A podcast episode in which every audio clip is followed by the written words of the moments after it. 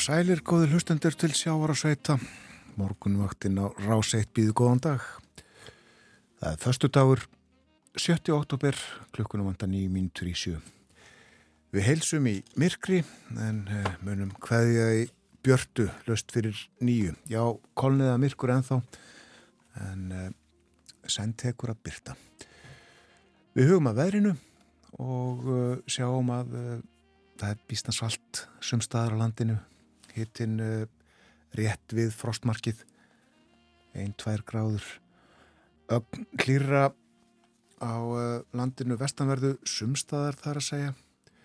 4 gráður í Reykjavík nánast logn skíjað tveggjastega hitti á Kvanneri 5 gráður í Stikisólmi allskíjað þar norðaustan 5 metrar. 4 stega hitti á Patrísfyrði þrjár gráður í Bólingavík, fimm stig á Holmavík, nýju metrar þar norðaustan, tvær gráður á Blönduósi, þrjár við Söðunisvita, þryggjastega hitti á Akureyri, allskíjað, nánast logn, tvær gráður á Húsavík, þrjár á Rauvarhöfn, einstigs hitti bæði á Skeltingstöðum og á Eilstöðum, skíjað á Eilstöðum, þryggjastega hitti á Höfni Hortnafyrði, fjóra gráður á Kvískerjum, en hitti við frostmark á kirkjubæði klustri. Fimmstíða hitti á Stórhauðaði Vestmanægum, nánast logn þar, norðan 1 metri á sekundum eldist og þryggjastega hitti í Árnesi. Á uh, Hálendinu tveggja, þryggja og fjórastega frost, fjórastega frost við sandbúðir.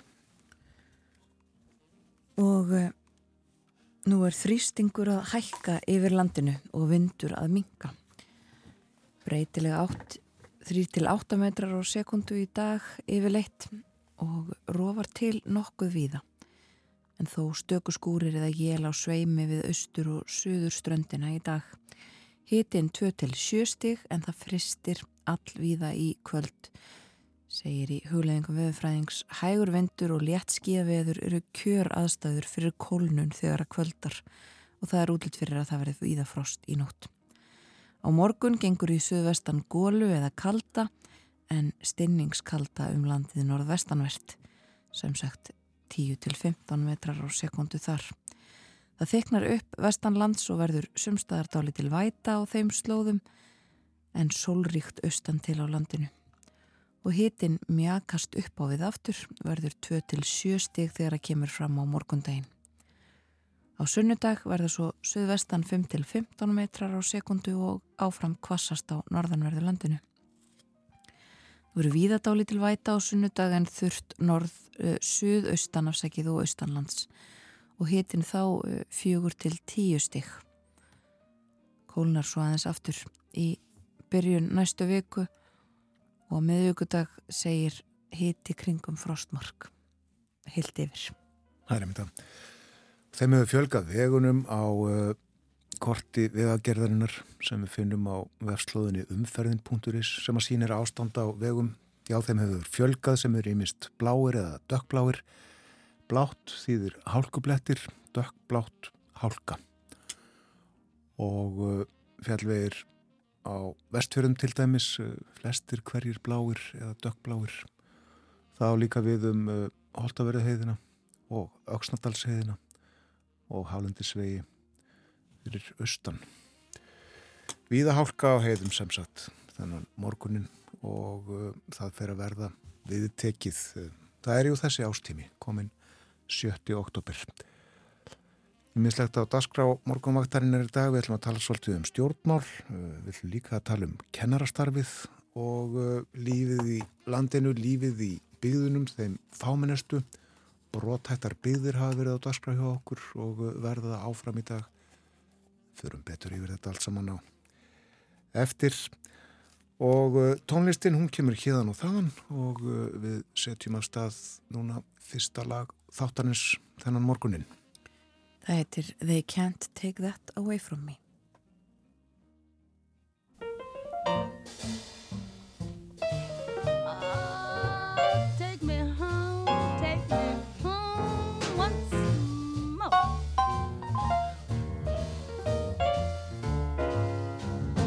way you wear your hat, the way you sip your tea. The memory of all that. No, no, they can't take that away from me. The way your smile just beams, the way you sing off key, the way you haunt my dreams. No, no, they can't take that away from me. We may never, never meet again on the bumpy road to love.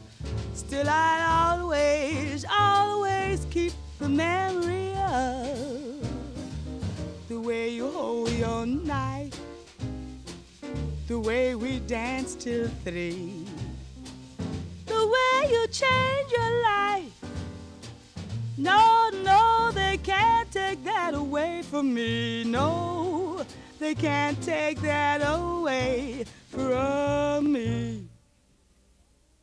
The way you hold your hat, the way you sip your tea, the memory, the memory of all that. No, that away from me. The way your smile just beams, the way you sing off key, key, key, the way you haunt my dreams. No, no, they can't take that away from me. We may never, never, never, never meet again on the bump, bump, bumpy road to love.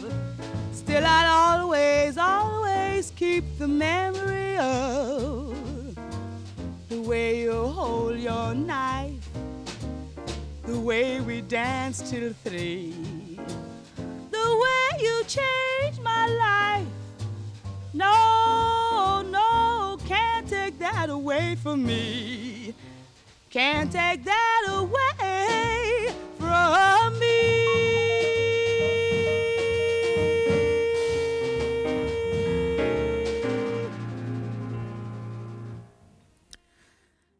They can't take that away from me. Þetta var Sarah Vaughan sem að söng og uh, Joe Benjamin, Roy Haynes, John Malachi með henni. Uh, lægið eftir George Gershwin og textin eftir Æra. Ítum gamni í stjörnusspána í morgunblæðinu og höfum yfir spána fyrir afmælisbörn dagsins Þótt auðvelt með að sökka þér ofan í hvers konar rannsóknir í dag, nýttu þér áhuga annara á þér og vendu þig á að sína öðrum virðingur. Ámælisbörn dagsins halda með þetta enn í daginn. Hér á uh, þessari opnu þar sem að stjórnusbáin er í morgunblæðinu er líka vísnahornið sem að halda og blöndal sér um og uh, hann skrifar Ingólfur Ómar skrifaði mér á mánudag heitl og sæl Haldur mér dætt í hugað Laumaðir einni vísu sem ber heitið skamdegi. Eins og allir vita þá fer skamdegið misjaflega í fólk eins og gengur. Og vísan svona, þó að mæði myrkrið svart og magni sálar pínu, á ég ljós er logar bjart lengt í hjarta mínu.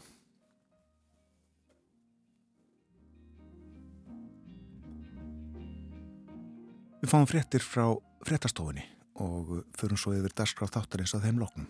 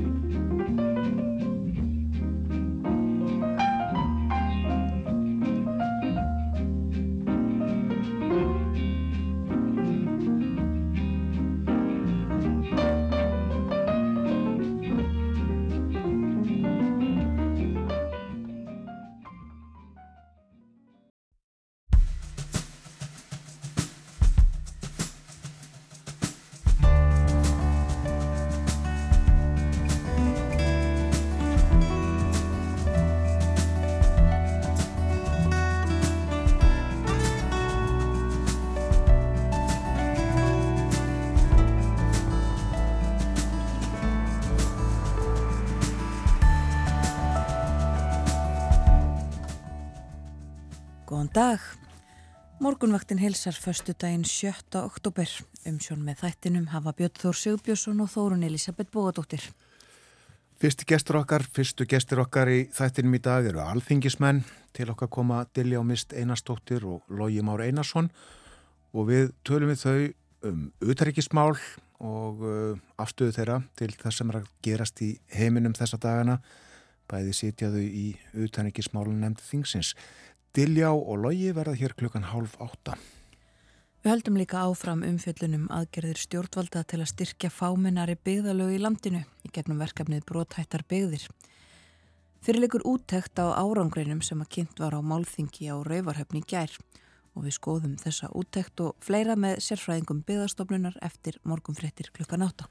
Og nú stendur alþjóðlega kennarvika og sjálfur kennaradagurinn var í gær og af því tilefni kemur formaður kennarasambandsins Magnús Tóri Jónsson til okkar. Hann verður hér upp úr hálf nýju og við spjöldum við hann um alltaf góða og jákvæða við kennarastarfið.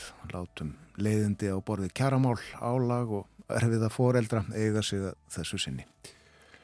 Og uh, það eru ágættis veðurhorfur það ekki þórun? Jú, það er uh, fínt veður, minkandi vindur, breytilega átt í dag 3-8 metrar á sekundu Róvar til nokkuð víða en stökuskúrir eða jél við austur og söðuströndina.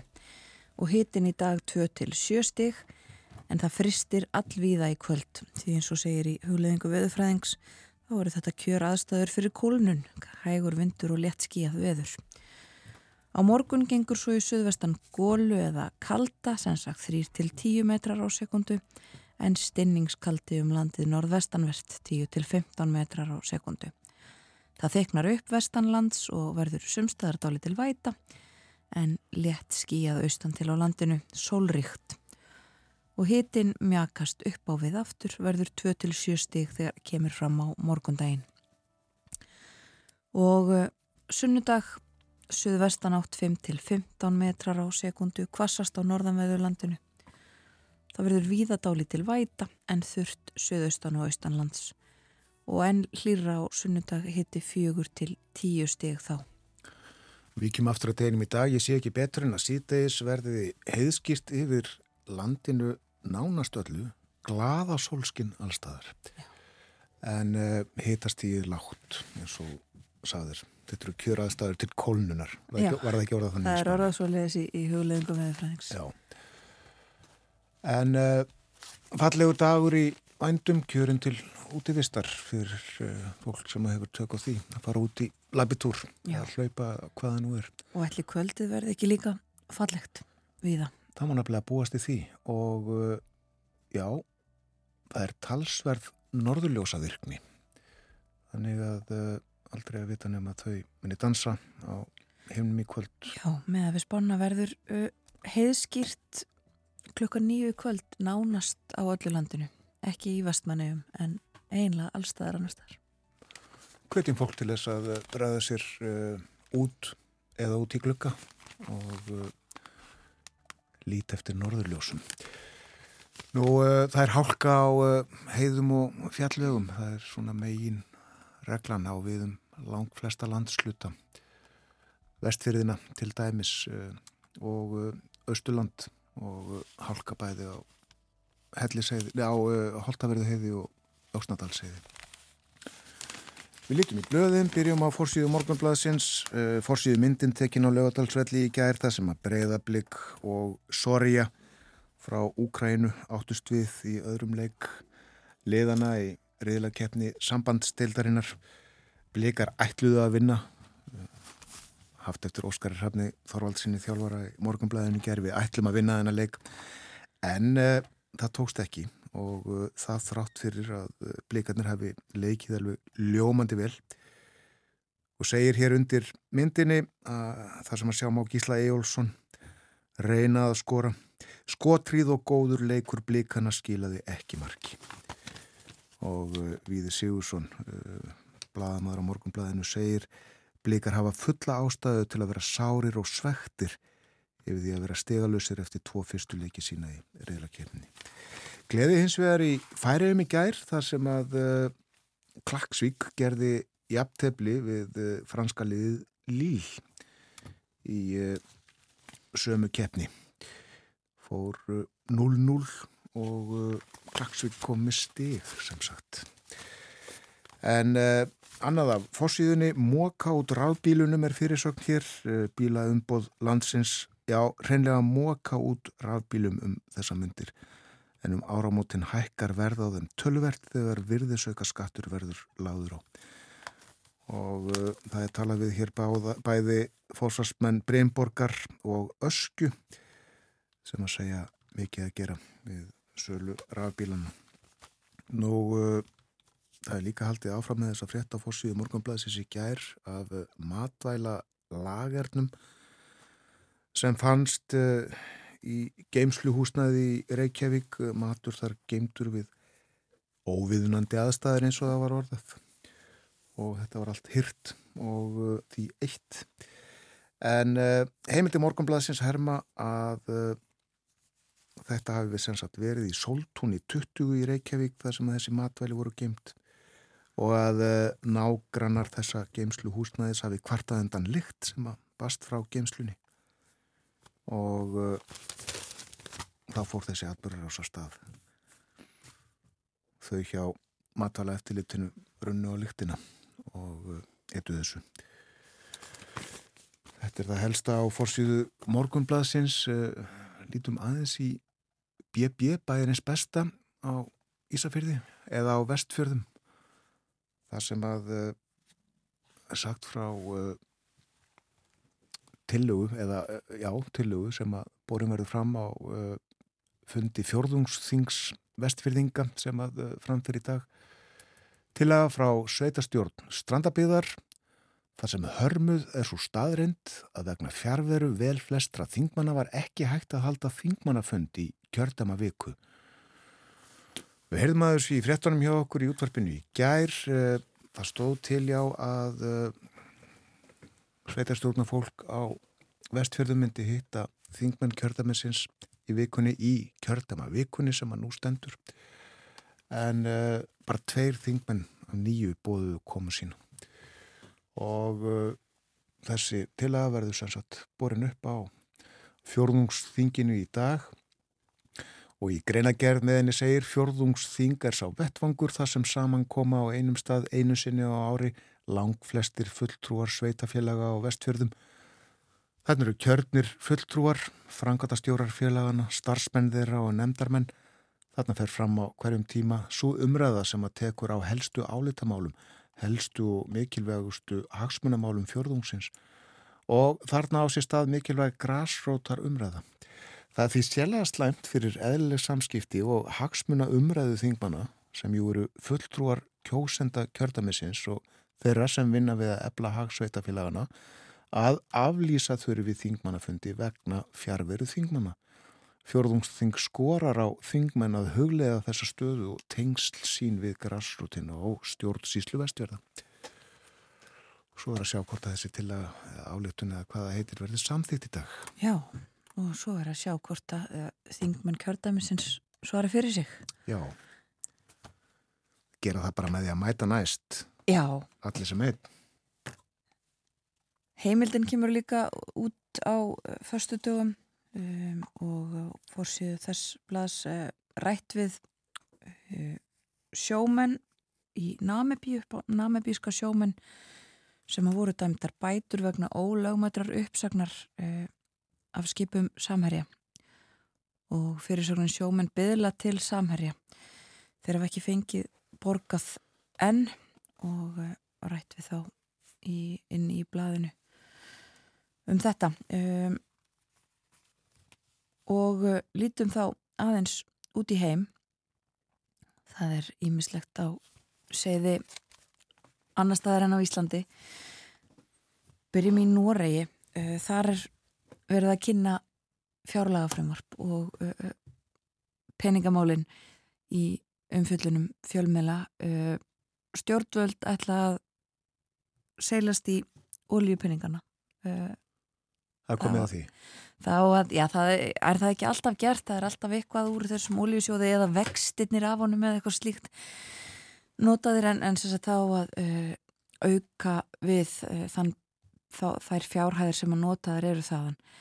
Uh, 410 tæplega miljardar uh, norskra króna í, uh, í fjárlögum verða þaðan uh, og uh, það mun kvorki hæja á nýja hraða uh, norsku efnahagslífi segir frétt á, á, á norska ríkisútörpunu en sem sagt uh, það var verið að byrta tölur klukkan 8 á norskun tíma og þetta eru 2,7% af ólíusjóðunum og uh, það eru að reglur í gildi í Nóri um að það megi ekki fara upp fyrir 3% en uh, já, verið að nota þessa peninga til að halda hlutunum uh, í lægi í Nóri en þetta er svona stærsta málið þar í landi. Nú við höldum okkur á Norðurlöndunum og skoðum fórsíðuna á dagins nýheter í Svíþjóð. Þar er viðtal við uh, norska höfundin Jón Fosse sem var tilkynnt í gæra að fengi uh, Nobelsvelun uh, bókmyndavelunin viðtal við hann um, að skrifa er það sama og að lifa fyrir mig, fyrir sögn talað við hann sem sagt í blæðinu og svo fjallaðum uh, efnahagsbrot.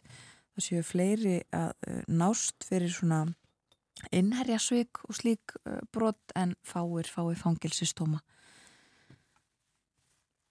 sem sagt ekki talað um, um stöðu gengjamála eða neitt slíkt á, á þessari í, í þessum stóru fórsíðu fréttum en það er hens vegar talað um, um loftslagsmálin og það að september hafi verið hlýjasti septembermánuður nokkru sinni og þetta er líka til uh, umfjöllunar á nokkrum fórsjöfum áfram í Breitlandi rétt eins og í gær og uh, svo er annað í breskum blöðum um, þar eru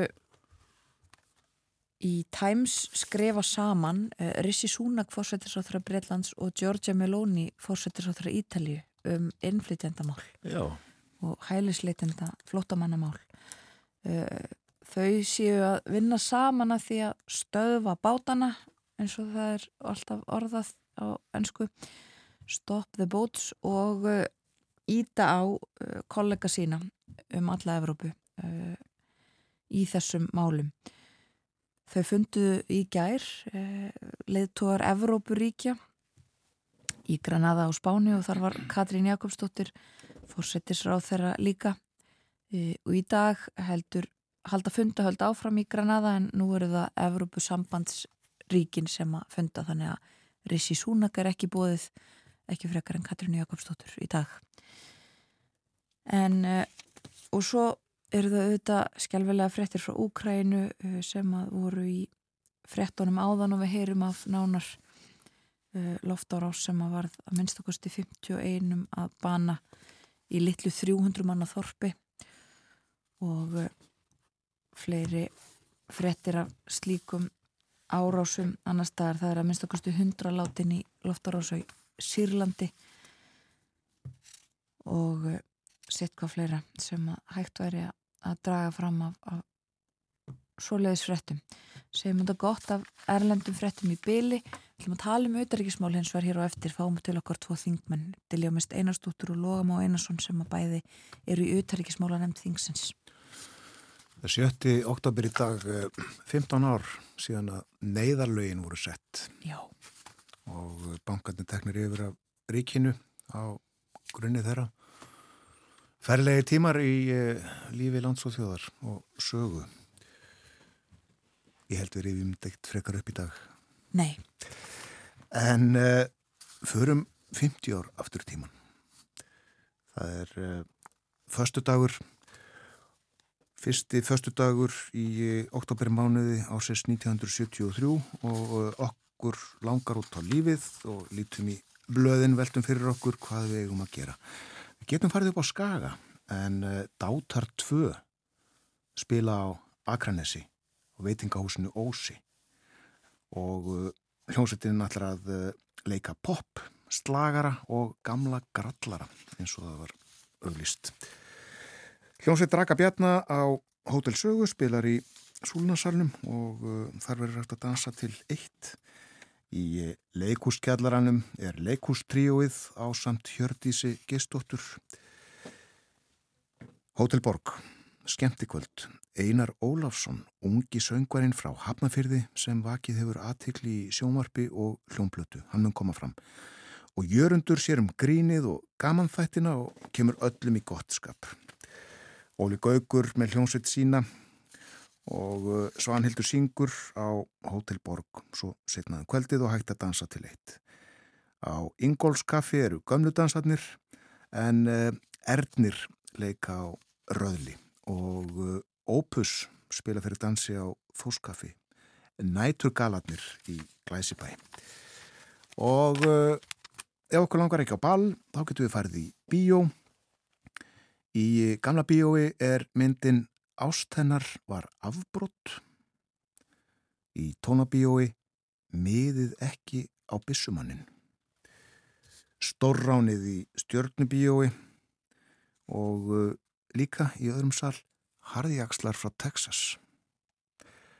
Karate glæpaflokkurinn í lögurásbíói og formaðurinn í nýja bíói. Og uh, í einu bíóinu en er við að týna þessu. Nei, hérna, Kópahús bíói. Þar er uh, kveikmynd sem að heitir Óðbeldi beitt. Og mér sýnist Charles Bronson fara með aðalhutverki þeirra mynd. Þetta er sem sagt í uh, kveikmyndahúsunum en uh, í sjónvarpinu uh, fyrsta förstu daginn ásins, eh, á, á, fyrsta förstu dag ásins eh, í oktober mánuðar ásins 1973 fréttinnar eru klukkan 8 um kvöldið og eh, að þeim loknum þátturinn fóstbræður og svo hefur göngu sína nýr þáttur landshorn heitir hann nýr fréttaskýringaþáttur um innlendmálefni og hann verður á dagskrá á förstudagskvöldum í vetur og í umsjá fréttamannana Eð Skuðnasonar, Guðjóns Einarssonar, Ólafs Ragnarssonar og Suðulu Torlasíus. Fréttaskýringa þáttur á förstu degi. Og þætti það skrítið í dag. Já, held að það er ekki svo leiðis. En uh, í sjónvarpinu í kvöld uh, verður söpnunarþáttur fyrir Grensás og uh, við sáum í fréttunum í gær og heyrðum að uh, í gær var tekinn fyrsta skoblustungan að viðbyggingu við grensástild landspítala. Húsi verður 4400 fermetrar og uh, í því verður sérsniðin dild og byggingin sérsniðin fyrir þjálfunastar sem er grensásstildar og uh, einnig uh, fyrir nýja legudild og þarna verður líka nýr matsalur og ímis önnur samverur rými á samt tilherjandi stóðrýmum eins og segir. Og uh, það á semst að byggja húsið fyrsta skóplustungan tekin í gær. En í sérstökum söfnunar og skemmtithætti sem að verður í sjónvarpinni í kvöld þar á að sapna fyrir tækjum til endur hræfingar og þessi þáttur hefst 1940 um sjónamenn eru Eva-Maria Jónsdóttir, Unsteit Manuel Stefánsson, Guðjón Davíð Karlsson og Katrín Haldóra Siguradóttir. Það eru örglega stórskemtilegur og áhugaverður þáttur. En uh, förum aftur til uh, 1973, uh, við erum að bú okkur undir að uh, fara á ball og uh, setjum á fónin uh, vinsalasta lagið í heiminum um þessa myndir.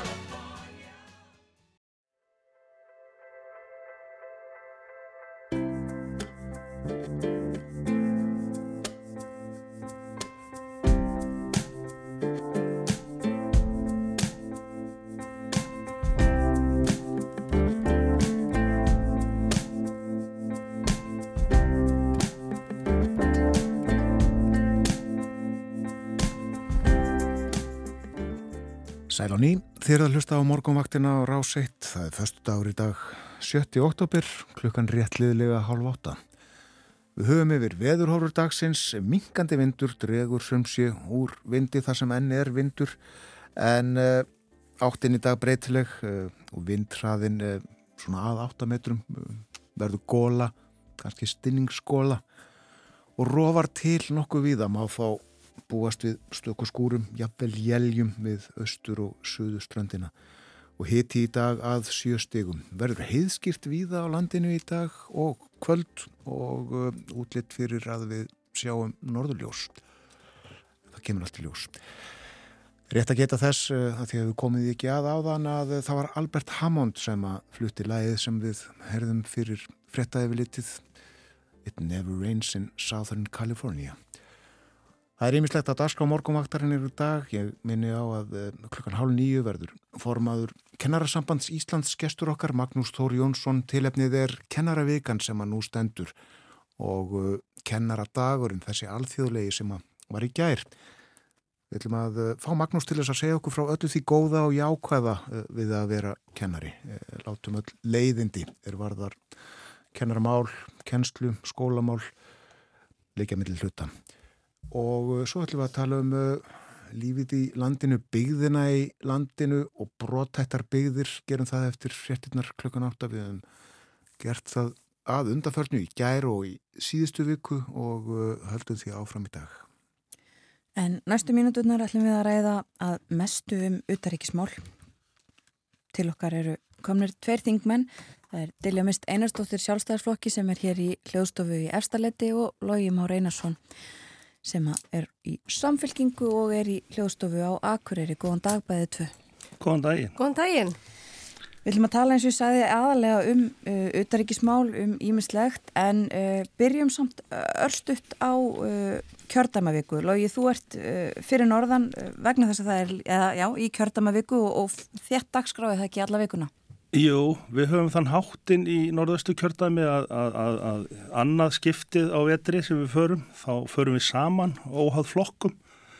Þannig að við erum búin að vera á fjögra dagaferðalægi og, og klárum núna í dag öll saman og þetta er alveg gríðalega gaglegt, hittum sveitastjórnir og, og operarstofnarnir og fyrirtæki og lærum líka að kynnast og, og vinna með hverju öðru. Þannig að þetta hefur skemmtilegt. Já, það þarf á því að læra, Já, að læra. Það, er, það er sífælt vinna. Já, sífælt vinna. Dilja, þetta er öðruvísi fyrir Reykjavík og Þingmenn þið þurfið ekki að ferðast langar leiðir en eru samt búin að vera á fullu eða hvað? Já, við erum búin að vera á fullu hér í, í okkar kjördæmi e, Þingmenn og borgarfulltrúar Sálstaflokksins Reykjavík. Við erum búin að vera heimsækja í mitt sömulegistofnanir og fjölmörg fyrirtæki. Búin að vera ótrúlega gaman eins og vanlega við höfum haft hann háttina á í Sálstaflokknum að Sérst, aðra kjördamavikuna þá eru við sérst, í okkar kjördami og hérna hefur við reynd að fara svona um landið.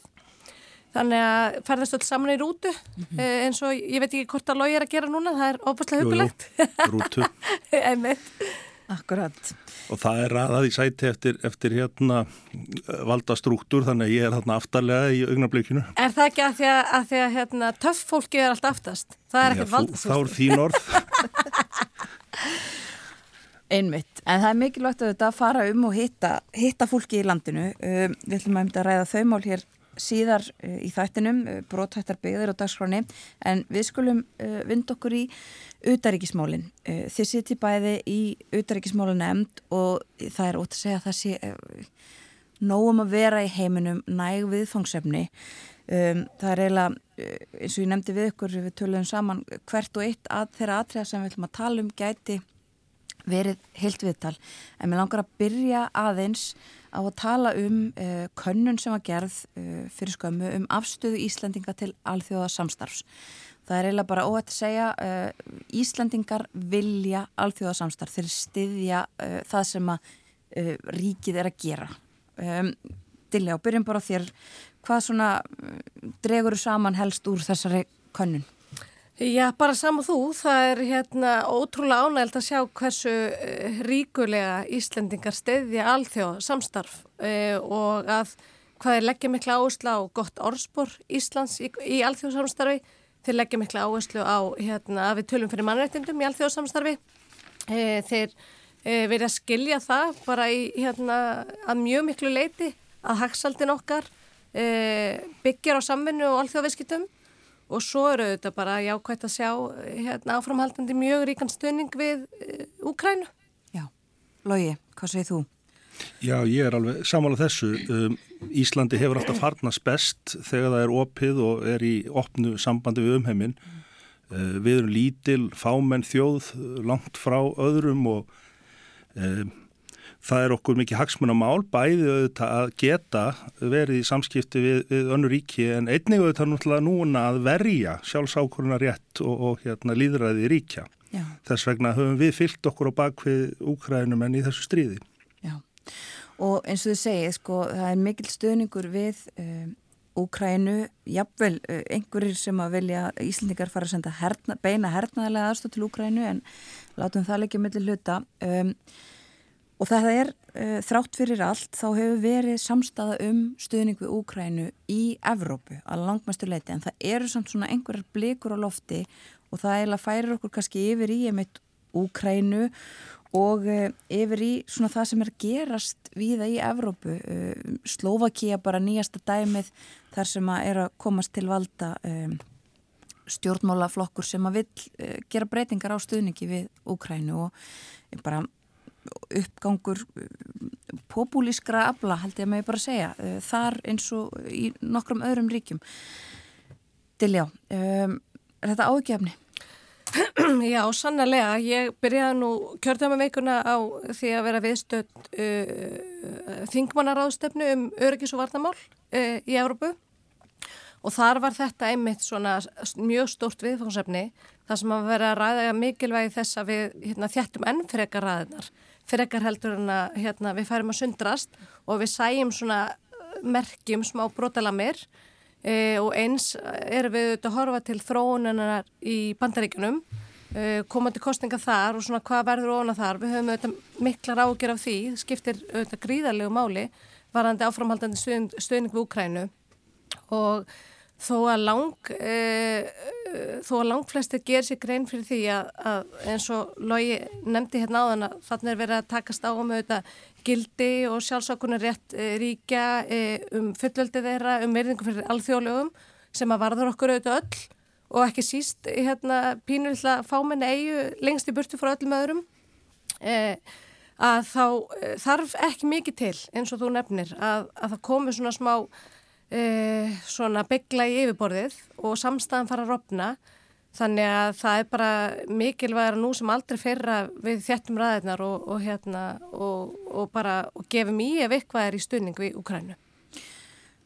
Lógi, það eru ríki eh, innan Evrópusambandsins, eh, Slovakia er eins og ég segi nýjasta dæmið en það hefur líka borið á uh, bara svona broti í samstöðunni, kannski sérstaklega við nefnum um, Póland, Ungverjaland um, og uh, svo koma frettir bara eins og núna í gær held ég að það hefur verið einmitt að það eru miklu rákjur af uh, bandaríkunum og, og Evrópa geti ekki uh, tekið við hlutverki bandaríkjana ef að bandaríkin hætta að styðja við Úkrænu.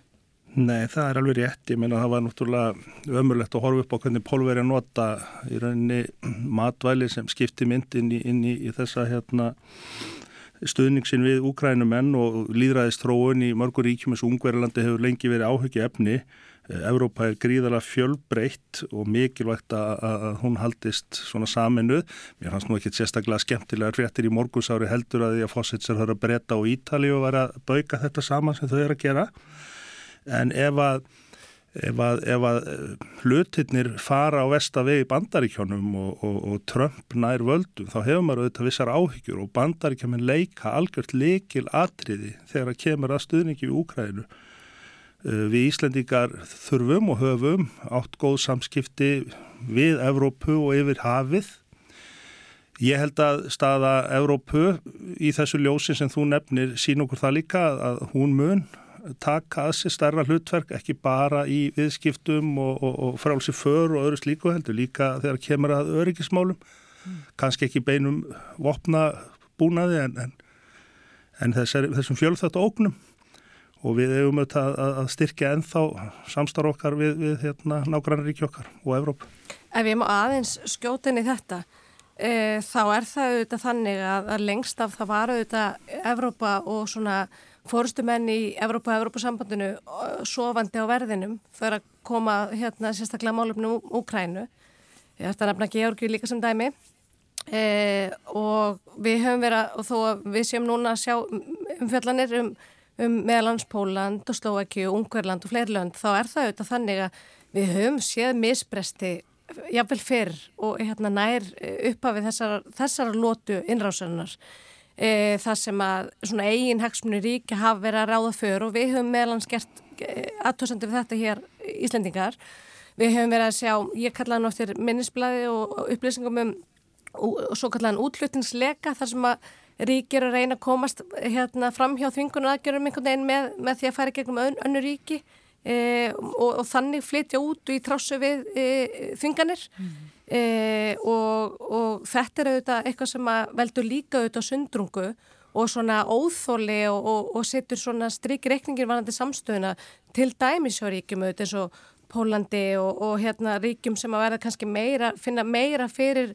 meðalans frá e, svona innstreymi af vörum og, og þess áttar. Mm -hmm. Þannig að það er alveg gríðarlega mikilvægt að fórustu ríkin í Evrópu e, sína gott fordæmi. Já, ég tek undir það e, og við þurfum ekki að horfa langt til þess að sjá svona brottalamir í, í samstöðu. Ég menna, færiðingar hafa ekki, finnst mér, komið fram að alveg næri stórmennsku.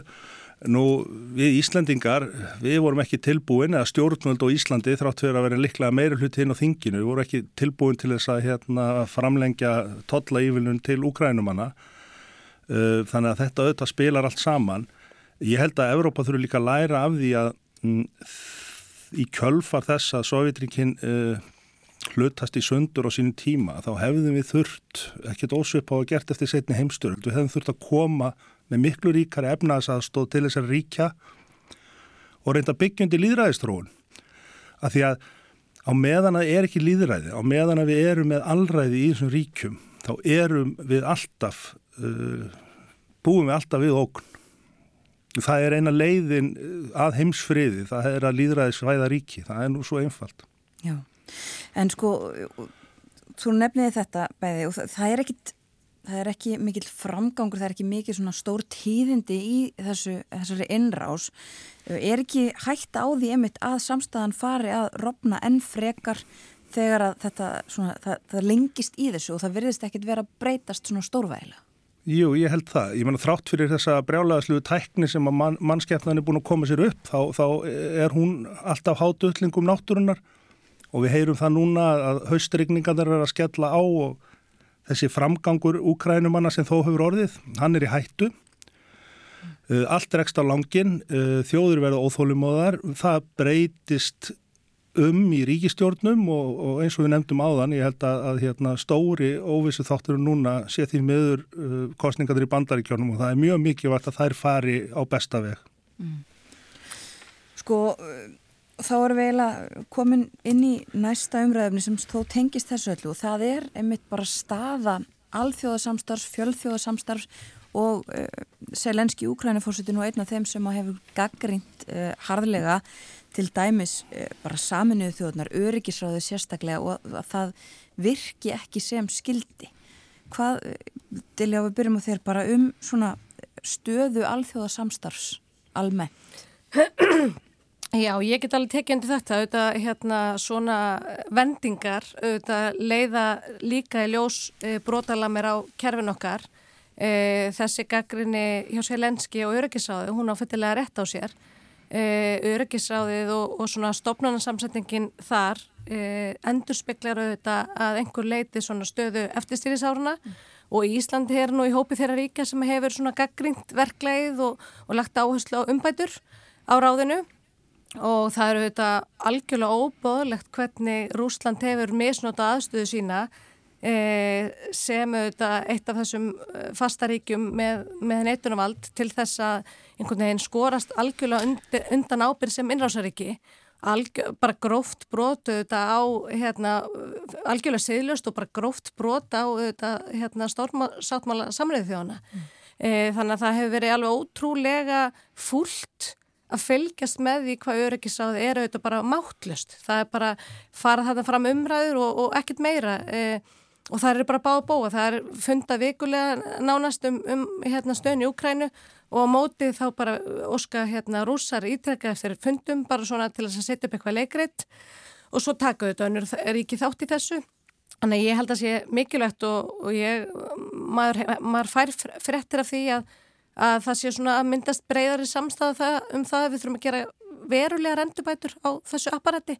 Þannig að það er þó jákvægt eh, ef það er samt eitthvað sem hefur opnað auðu okkar fyrir mikilvægi alþjóðarsamstars hérna undarförnu þá er það auðvitað þessi hérna, samfell af fyrst auðvitað heimsfaraldri sem að margir eru búin að gleyma núna að hafa átt sér stað e, og síðan þetta stríð e, í álfunni í Evrópu mm. e, ég segi það að, að hérna, það vildi nú margir af okkar vinna þjóðum í Európu verið sumu stöðu við sem erum í auðvitað uppljóðasta varnabandalagi heims og, og, og með varnasamstarfi bandaríkin. Ég hugsa að til dæmis Úkræna vildi glöðskipta við okkur, ég hugsa að, hérna, að fleiri þjóður myndu vel, vilja vera okkar stað. Þannig að þetta hefur auðvitað opnað auð okkar fyrir því hvað er gríðarlega mikilvægt að, að styrkja og, og hérna, viðhalda virku og öflugu alþjóðsamstarfi. Mm. Lógi, það er nú líka, þú nefndir kostningan þar í bandaríkjunum sem svona stóra, um, stóra óvissu þáttinn en, en það eru líka svona blikur á lofti innan Evrópu og meðal annars bara í síðustu viku held ég að þar síðustu þar sem að var eh, svona stór könnun sem að komin að það að það væru einna hverjum þremur kjósendum í Evrópu sem að kýs núna svona andkerfisflokka eh, og eru þá, þar á meðal svona, mótfallin þessum, þessum alþjóða kerfum. Já, ég menna það er mjög mikið áhugja og hérna, sko heimurinn í síbreytilur en einhvern veginn auðnast stjórnmálunum ekki að fylgja einhvern veginn þróunni og gott dæmi sem að Dilja nefndi var að fasta fulltrúar öryggsræðsins eh, endurspeglaðurinn bara stöðunni sem hann var fyrir 70 árum og margt þarna meginn galla til dæmis það að, að í miðju stríði þá, þá, þá fá rússar forsæti í öryggsræðinu sem var alveg fáhert mm -hmm. þannig að ég held að Ég held að, að, að hérna, e, líðræðistróun í Evrópu eins og allstæðar í heiminum hún er áhugjefni það þarf alltaf að vera á verði e, og ég held að stjórnmálum verður mæta því með því að, að hérna, virka bara líðræði einfallega betur. Við höfum betur upplýst fólk heldur nokk tíman áður, fólk höfum meiri aðgang og upplýsingum heldur nokk tíman áður. Við höfum tækni sem gefur fólki kleift að taka þátt í ákvörnum miklu meira mælin áður En við höldum okkur meira og minna við 19. aldar fyrirkomlaði þannig að við þurfum einhvern veginn að finna leiðir til þess að þróa líðræði áfram líka Já. og ég held að, held það muni leiða til þess að, hérna, að, að valdefla fólk og, og, og þá í rauninni sé líklæra að þróunni verði farsæl. Mm. Ég held að, að þessi þróun sé uh, vissulega ágefni og ég held að við stjórnmálamenn ættum að líta okkur nær því að þetta er nákvæmlega það sem gerist og ég hef nú rætt þetta áður þegar að ábyrgir líðræðisflokkar forðast það hreinlega að ræða sem að brennur á fólkinu e, þá verður uppgangur svona abla, svona jæðarflokka eins og þú segir, populískara abla e, miklu auðveldari. E, þegar að, að þegar að er þakkanir í fólki og fólk má ekki spyrja á hvernig spurninga ræða á hverju málöfni þá er miklu auðveldar að samfara, samfara það um það að það sé ekki verið að fara eftir vilja þess og samfaraði það um að lausnin sé bara kúvending á kerfinu.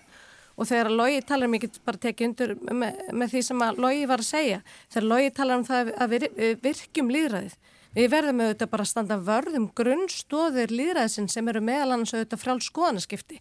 Og við hefum verið að hérna, sjá svona tilhengu stjórnmálumann til þess að reyna að stýra umræðinni og forðast að ræða ákveði mál og þakka nýri fólki og þetta getur á sér nákvæmlega þetta umhverfi og mér langar að nefna eitt dæmi að því að ég var nú áðun ég var þingmann þá var ég nú aðstofmaður auðarkisráð þeirra og, og hérna að því að, að því að við erum að horfa upp á ákveðna óöld og, og ástand, fordómalist ástand til dæmis í Svíþjóð. Og fyrir nokkur mann síðan það voru kostningar í Svíþjóð og, og hérna ég var á alþjóðlegum fundi og hitti þar uh, sænska kollega mína.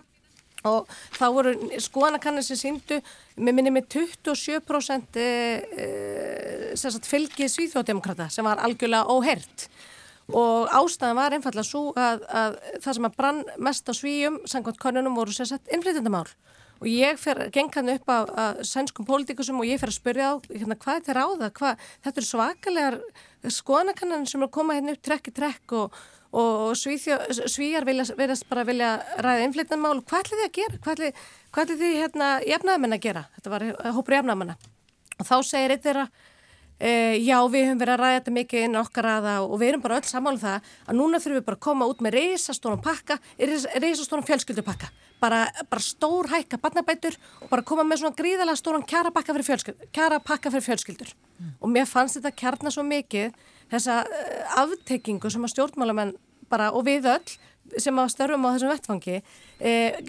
verðum stundum segum bara ég þetta veit, var einhvern veginn innlegið sko. Ég veit í sjálfsvegar ekki við hvaða þingmann Dilljá var að tala en, en, en Þetta voru ekki, ekki þingmann, þetta voru bara pólitíkusar. Já, já, því svo er hérna fyrirhandi fósetsræðara Stefan Löfven hann fór í síðustu kostningabortuna sína skilur með, með klár skílabóð um það, það þurfti að hérna það þurfti að vera friður í landinu og það þurfti að ebla uh, öryggi og ebla lögruglu. Uh, þetta er flókið. Við erum að horfa upp á uh, bara svona dæmigett glæpa gengja stríð sem lítur sömu lögmálum og, og, og glæpa gengi allstaðar annarstaðar.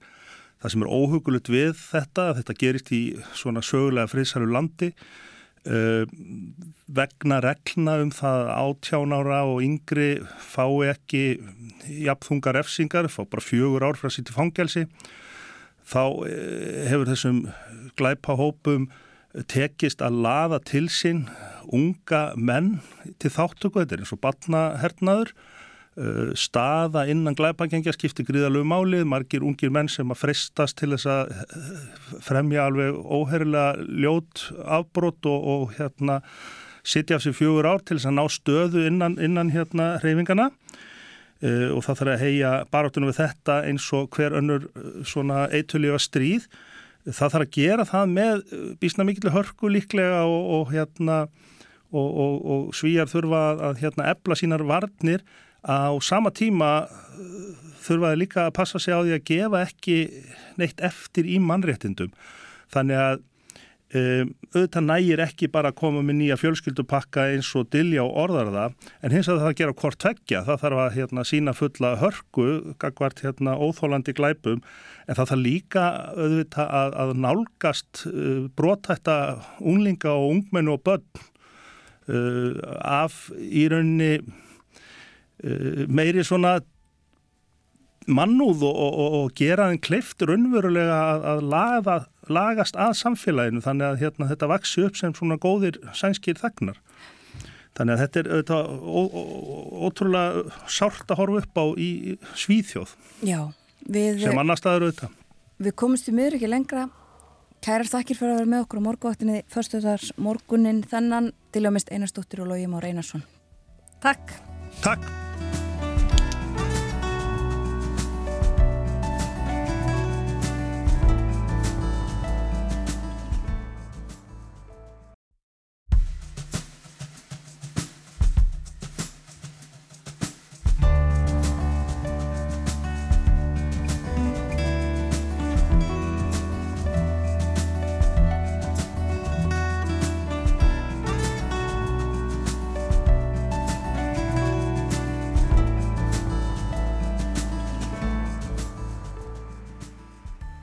Ný, þetta er morgunvaktin á rás 1. Það er förstu dagur í dag komin 7. oktober, klukkan eh, farin að ganga nýju er 6 mínútur gengin í nýju. Og ætli kennarar landsins séu ekki mættir í vinnuna vel flestir og uh, ég mista á kennarastofunni að fá sér eitt kaffibótla eða svo, eða komnir í skólastofunar og uh, býða þar eftir börnunum. Formaður kennarasambandsins verður hjá okkur hér á morgunvaktinu upp úr hálf nýju. Við ætlum að spjalla við hann um kennarastarfið, vítt og breytt, tala, allt, tala um allt það góða og jákaða við það að vera kennari. Tilefnið er alþjóðlega kennaravikan sem nú stendur. Kennaradagurinn sjálfur, hvorki meirinn minna, var í gerð. Og í gær var líka haldið málþing á rauvarhöfni tilefni af tíu ára afmæli verkefnisins brotættar byggðir. Við rættum um þessi mál uh, í gerðmorgun uh, töluðum við þau auði völu og Helga Sigursson sem að hafa stopnað og uh, rekið fyrirtæki á borgarfyrði Istri tengslum og komið inn í þessi verkefni. En uh, utanum brótættar byggðir af hálfu byggðarstofnunar halda Helga Harðardóttir og Kristján Þótt Haldursson þau ætla að fara með okkur yfir árangurinn af þessu síðustu árin og verkefnið svona í stóru myndinni Helga og Kristján voru á Rauvarhöfni gær en eru komin til síns heima núna Helga á Söðurkrúki og Kristján á Kópaskeri. Góðan dag bæðið tvo og takk fyrir að vera með okkur. Góðan daginn. Góðan, góðan daginn. Hvað, eh, já fyrst bara hvernig, hvernig tókst þetta málþing, hvað tóku þið svona helst með okkur út úr þessu? Ég, ég byrja þá þá fannst mér málþingi takast bara ljómandi vel, fyrsta lagi var vel mætt og þá var fjölbreyttur hópur sem að kom til þess að ræða við okkur um þessi mál. Og ef maður tekur svona eitthvað sérstakt með sér þá er að, að um margt hefur verkefni gengið ísna vel. En, en auðvitað má segja að þar sem að í þeim byggðalögum þar sem að ástandið var erfiðast að þá kannski hef, þarf meira að koma til ef að, ef að á að snúa vörn í sókn og fjölga íbúum aftur. Helga, hvað segir þú? Já, ég var afskaplega ána með þingi og sérstaklega með þáttökuna og þarna stegu á stokk hagsmuna aðlar fólki okkar sem er að vinna, verkefni stjórnarnir, þeir sem að, hef, þeir stegast okkur og sagðu frá sinni upplifun af verkefninu í byggðaljónum sem þau starfa fyrir. Þarna fengum við fólk líka hérna úr verkefni stjórnunum sem að sagðu frá sinni upplifun reynslu af verkefninu. Og það var svona farið vitt og breytti við sviðu. Við fengum hérna aðeins á ráðuneytinu til þess að tala um verkefnið frá hérna, sínum sjónarhóli og hún Sigurborg hérna, Kristjánsdóttir frá Yldi er aðgjafa fyrirtækinu Yldi Hannesdóttir. hún hefur verið okkar innan handar í þessu verkefni allt frá upphafi hefur stýrt íbúa þingunum að mikillir öksemi og hún kom þarna og leiti okkur líka í samtal um verkefnið í lokmálþingsins sem var afskaplega ánægilegt og, og gott og jákvægt þannig að það, við erum bara afskaplega ánæg með þingið held ég, með segja, held yfir. Og, og svo eitthvað kannski að skjóta þegar heimamenn tók okkur afskaplega vel og við, það var mjög vel hugsaði um mannskapin varðandi matinn frá Hótel Norðurljósum og gisting og annað þannig að þetta var, var sérstaklega gaman að sækja Rauvarhafn að búa heim og má, þess má geta að nú standa hrútadagar þar yfir þannig að það er heilmikið um að vera og, og mikið stöð og fjör hjá heimamönnum. Einmitt, já.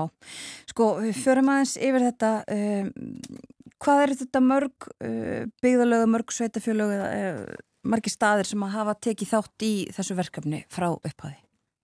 Alls eru þetta 14 byggðalög og um, þau að vera aðeins mismunandi mörg á hverjum tíma en í, á þessu ári, ári höfum verið að vinna með fimm byggðalög en höfum sleft hendinni af hinnum. Eh, ég vil gerna segja í því sambandi að þó svo að byggðarstofnun hafi dreyðis í hlið þá þýðir það eh, alls ekki að verkefnunum ljúki því að við erum gernan að sjá áframhald sem er þá meira á fórsendum sveitafélagsins eða öllu heldur haldið utanum það á, á fórsöndu sveitafélags og landslutarsamtaka og um, það er það sem við, við viljum helst sjá að verkefnunum ljúki ekki þó svo að við draugum okkur í hlið. Það þýðir heldur ekki að eh, við lítum svo á að byggðalag sé ekki brotætt lengur þó að við höfum dreigið okkur hlið. Eðli verkefnisins er einfallega það að, að þetta er Eh, takmarkaðu tími, gerðan fjögur, fimm ár sem að hugsunin er að nýtist íbúum og sveitafélagi hvers byggðalags til þess að, að svona ná vatnum sínum á ný. Já, og það var þarna þessi uh, skýrsla eða svona aðtugun frá KPMG sem var rætt og þar er mitt kom þetta fram, þetta eru þetta uh, svona kannski takmarkað verkefni, takmarkað tími og peningar um, um, og svona Já, því hjá beðastofnum fengu uh, síndist mér nú mjög svona jákvæða engun fyrir ykkar framlega en það var svona kom þar fram að að einmitt það mætti stækka þetta og taka ennþá betur utanum þetta, Helga? Já, það kannski, hérna, má segja það að við getum alltaf, hérna, nýtt meiri fjármunni inn í verkum við myndum gerna vilja hafa fleiri byggðalög inni til dæmis en við, hérna, höfum úr þessum fjármunum að ráða sem mm -hmm. verkefni er á fjárlögum, það er ákveðin upp að sem að, hérna, kemur árlega þannig að við reynum að spila úr því eins og sem best við getum. Já. En, já, fyrir ekki. Já, ég held að ég bara komið með þetta svona cirka. Já, uh, sko, en það var einmitt líka að tala um þetta, það væri svona færi batnandi þetta að, að uh, þetta væri ekki bara búið þegar að, þegar að verkefnið svona formlega klárast, það þurfi að taka mitt utanum þá og halda þessu áfram, en uh, markmiðið með þessu, Kristján, sko, í e, skilgreiningunni, það er hansi stórt að ætla þessu að stöðva, bara hreinlega stöðva fólksfækkun á þessum svæðum. Þarf ekki eh, eitthvað meira að koma til svona heilt yfir? Já, markmiðið er mjög stórt. Mér er nú reynda að benda á það að fulltrúar aðnetsins eftir, eftir málþingið gæra að markmiðið væri nú að spyrna við neikværi fólks eða íbúa þróun og það er kannski aðeins blæbriða munur á því. En, en það breytir ekki því að, að markmið er mjög stór og það er kannski bara varla raunhæft að okkar verkefni geti nátökum á þessari þróun í öllu byggðalögun eh, við teljum hins vegar verkefni hafi gagnast íbúum allra byggðalagana mjög vel. Eh, og, og þar sem að svona fleiri þættir hafa komið til og, og þar á ég til dæmis við innviðamál sem eru á Körnuríkis að mestu og einhverju leti kannski hjá sveitafélagum að, mm. að þar sem að það hefur farið saman að, að íbúarnir taka mjög vel og nýta á og nýta þetta tækifæri og, og síðan er kannski eru vega bætur eða, eða bætur á öðrum innviðum svo sem þessu fjarskiptum samfara að þar er árangur bestur. Já. Þannig að það er mjög mikilvægt að allir leggist á árar á verkefnistímanum og, og meira segja er það svo að, að gerðan eru já, meiri kannski fjármunir og meiri umsug að skila sér inn í þetta í gegnum aðra farvegi heldur en akkurat þetta byggðir sem best lætur.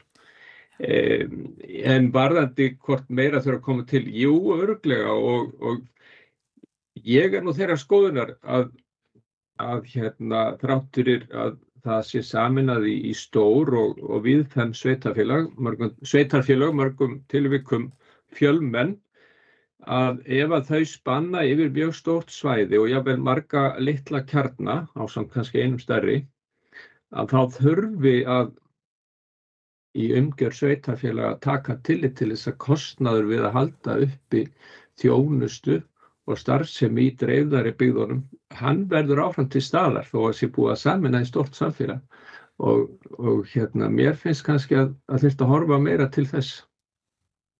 Helga, hvað segir þú um þetta? Já, ég bara tek undir orð Kristjáns varandi þetta. Það, hérna, það þarf að huga vel að, að þessum byggðalögum í þessum hérna, ólíku gerðum hérna, sveitafélag, hvort sem þetta er fjölkjarnar sveitafélag eða, eða, eða sveitafélag þar sem að hérna, þetta eru bara minni byggðalög eins og til dæmis í Arnúsreppi. Já, einmitt. Það duður ekki til að, að samina það dögur ekki til að samina en við verðum að hérna, nýta slagkraftin sem við fáum í þessum byggðalögum. Já. En... Ef ég má aðeins bæta það, ég er ekki að tala gegn saminningu alls ekki, en, en ég held að þú eru mjög meðvitt að huga því hvernig er haldið uppi svona, hvað ég segja, vilja til framfara og, og ákveður og lámar stjónustustígi í, í þessum smerri byggðalögum innan stóra sveitarfélaga. Mm -hmm. En svo maður bara spyrji, uh, sko, er það raunhæft að uh, öll lítil uh, byða, já, allir byðakjarnar haldist í byggð? Já, við teljum svo vera og meðan að stjórnvöld hafa það stefnu að við höldum landinu byggð, að þá viljum við gjarnan koma inn allstar þar sem við getum til þess að styðja þessi byggðalög og ebla. Mm. Ef ég má bæta við þetta að, að, að þessi spurning hefur auðvitað oft komið upp og ég segi, það er mín, mín skoðun að öll, öll samfélag séu verðmætt fyrir okkur. Það er ekki annað en bara að horfa á ferðþjónustuna í því sambandi að, að það getur verið verið mikil tækifæri í, í aðvel smestu byggðalögunum en kannski er aðalatriðið það í mínum huga að á meðan íbúar tiltekins byggðalags vilja standa með sínu samfélagi og vera áfram á staðnum og eiga þar gott líf að, að þá finnst mér það okkar skilda að, að aðstofa. Já, og það... Það snýr alltaf því að auka lífsgæði íbúa á þeim stöðum þar sem þau vilja búa já, og starfa. Já, og það var nú aldrei eitthvað sem kom fram þarna á þessu þingi einmitt þetta með bara íbúana og samtakamótt þeirra og að þessi verkefni hjálpi til við það. Þau, sko, er það ekki þannig að þau hefjast yfirleitt öll á því að eða já, allavega einhver staðar í þessu ferli að þá koma íbúanir allir saman og þeir setja sér markmið og ákveða allir í saminningu hva, hvert skuli stefna? Jú, það er rétt hjá þér. Við byrjum einmitt hvert verkefni á tveggja daga íbúaþingi sem er haldið í byggðalæðinu upphæfverkefnisins og þar er notur svo kvöldið open space aðferð. Það er enginn fyrirfram mótu dagskrá heldur koma íbúanir saman og þeir leggja til málefni sem þeir vilja ræða og úrverður mjög dýnamist samtal hjá, hjá íbúanum og úr, úr sagt, hérna, grunni þeirra samræna og þess samtal sem þar er að þá er mótið svo kallu verkefnisáallun og í henni er framtíðasín verkefnisins sem að íbúar hafa komið sér saman um á, á íbúaþinginu og síðan megin markmið, þau eru gerðna svona kannski þrjú til fjögur, fimm og í hverju byggðalagi og síðan eru þau brotið niður í starfsmarkmið og sem er alveg skilgreind ábyrðaskipt og, og hérna, tímasett. Og við förum síðan reglulega yfir þessi markmið. Þannig að verkefnins áallin er svona helstatt plagg sem er svona leiðavísirinn í verkefninu og á hverju ári eru síðan haldnir íbúa fundir þar sem við förum yfir starfsmarkmiðin og skoðum hvert erum við komin í þeim og, og þeim er gerðnan hérna, breytt örlítið, þeim er bætt, e, öðrum bætt við og svo framvegs en það er í raun og veru leiðarvísinn í verkefninu að við náum þeim markmiðum sem sett voru í upphafi verkefnisins. Þannig að við höfum ágæta þá yfir sín yfir hvaða árangri við höfum náð með að við þau markmið sem íbúðarnir settu sér í upphafi. Já. Eftir þess að samantækt og þetta málþing þar sem þetta dreyja allt saman saman reynslan af þessu og, og, og hvað fólki finnst, eru þið komin með lista af hlutum sem að hægt er að leggja til að verði breytt eða bætt? Já, ég veit nú ekki alveg hvort að orða þannig en, en við höfum heilmikið nest í pokahorninu sem við munum á næstu mánuðum svona vinna úr og sjá hvort við getum ekki gert enn betur. Takk fyrir að ræða við okkur á morgunvaktinni um eh, brótættar byggðir og þetta verkefni eh, Helga Harðardóttir og Kristján Haldursson hjá byggðarstofnun á Sögakróki og Kópaskeri. Kæri þakkir. Takk sem leiðis. Takk sem leiðis. Þetta var um brótættar byggðir. Við höfum fjallað svo litið um þessi verkefni eh, viða um landið og núna aðeins um þetta svona í heild alls konar sjónamið sem er komið fram á þessu uh, stóra málþingi á Rauvorhöfn og meðan að stjórnvöld eru á því að það eigi að vera byggð í öllu landinu þá er unnið eftir því hjá byggðarstofnun uh, og eins og Kristján nefndi meðan að fólk vil búa og uh, vera þar sem það er að, að, þá þarf að vinna því markmiði að það geti verið svo. Við nefndum hér áðan þáttin í sjónvarpinu í kvöld, söpnuna þáttin fyrir grensástildina. Skóplustungan fyrsta var eh, tekin að eh, nýri byggingu grensástildar í gær og eh, í sjónvarstættinum í kvöld sem er söpnunar og skemmti þáttur á að satna peningum til tækjakaupa. Og Núna er Þórarinn Guðjónsson forseti eh, Læknadeildar Háskóla Íslands að búa sig undir morgungönguna sína sem mun nú tegja sig inn í daginn og svona fram undir kvöldið ger ég ráð fyrir. Hann ætlar að ganga ring um Grensás, ring, ringi. Hann ætlar að ganga uh, marathon með hundinins sínum frosta og það er hægt að heita á uh, Þórarinn og frostaðu þetta og hægt að finna upplýsingar um þetta á uh, Facebook þar er uh, síða sem heitir, heitir Gengi til Gags fyrir Grensás. Við skulum heyra lag. Þetta er uh, Kristjana Stefánsdóttir og lagið heitir Better Days Blues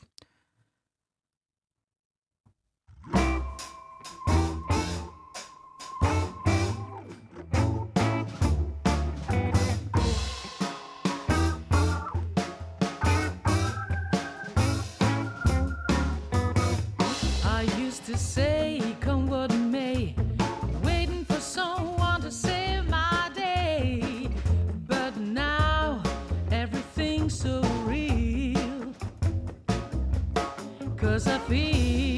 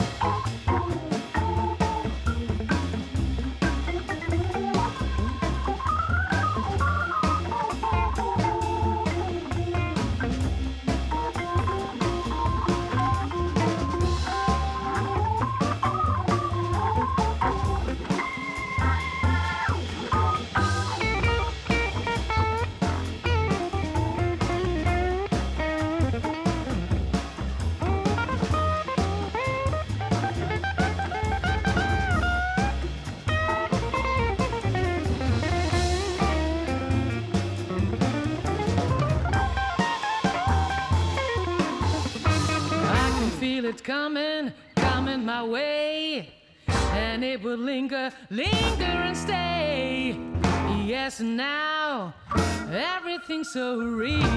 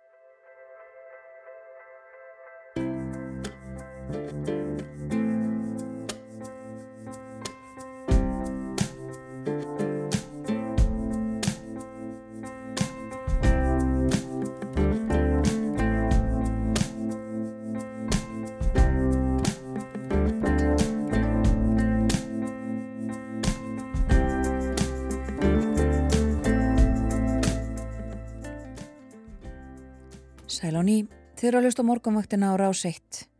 Klukkan orðin liðlega hálf nýju. Það er förstu dagur í dag, 7. oktober og síðasti hluti þáttarins framundan hjá okkur. Aðeins að veðurhorfum á landinu, minkandi vindur, breytilega 8-3 til 8 metrar á sekundu í dag og rofar til nokkuð víða. en stökuskúrir eða jél við austur og söðurströndina. Hitin í dag 2 til 7 stig en hægur vindur og léttskiða veður eru kjör aðstæður fyrir kólnun þeirra kvöldar og það er útlitt fyrir að það verði víða frost í nótt. Á morgun gengur í suðvestan gólu eða kalda en stinningskalda um landið norðvestanvert. Það þeiknar upp vestanlands og sumstaðar verður dáli til væta á þeim slóðum en sólríkt austan til á landinu. Hitin mjagast upp á við aftur og verður 2-7 stig þegar það kemur fram á morgundaginn. Á sunnudag verður svo suðvestan átt 5-15 metrar á sekundu kvassast á norðanverðurlandinu. Víða dáli til væta en þurft suðaustan og austanlands og hitin þá 4-10 stig. Það er förstu dagur í dag, síðasti dagur vinnuvikunar og uh, þar með uh, síðasti dagur kennaravikunar og sjálfur kennaradagurinn var í gerð. Sjálfsagt uh, allir dagar, kennaradagar hjá sömum, til dæmis hjá Magnúsi Þóri Jónssoni formanni kennarasambandsins sem er komin til okkar. Góðan dag og velkomin á morgunvaktina. Góðan daginn og takk fyrir að bjóða mér. Hvaða gildi eh, hefur kennaravika og kennaradagurinn? Þetta, þetta, þetta verkefni, kennaravikan er bara nýtt verkefni.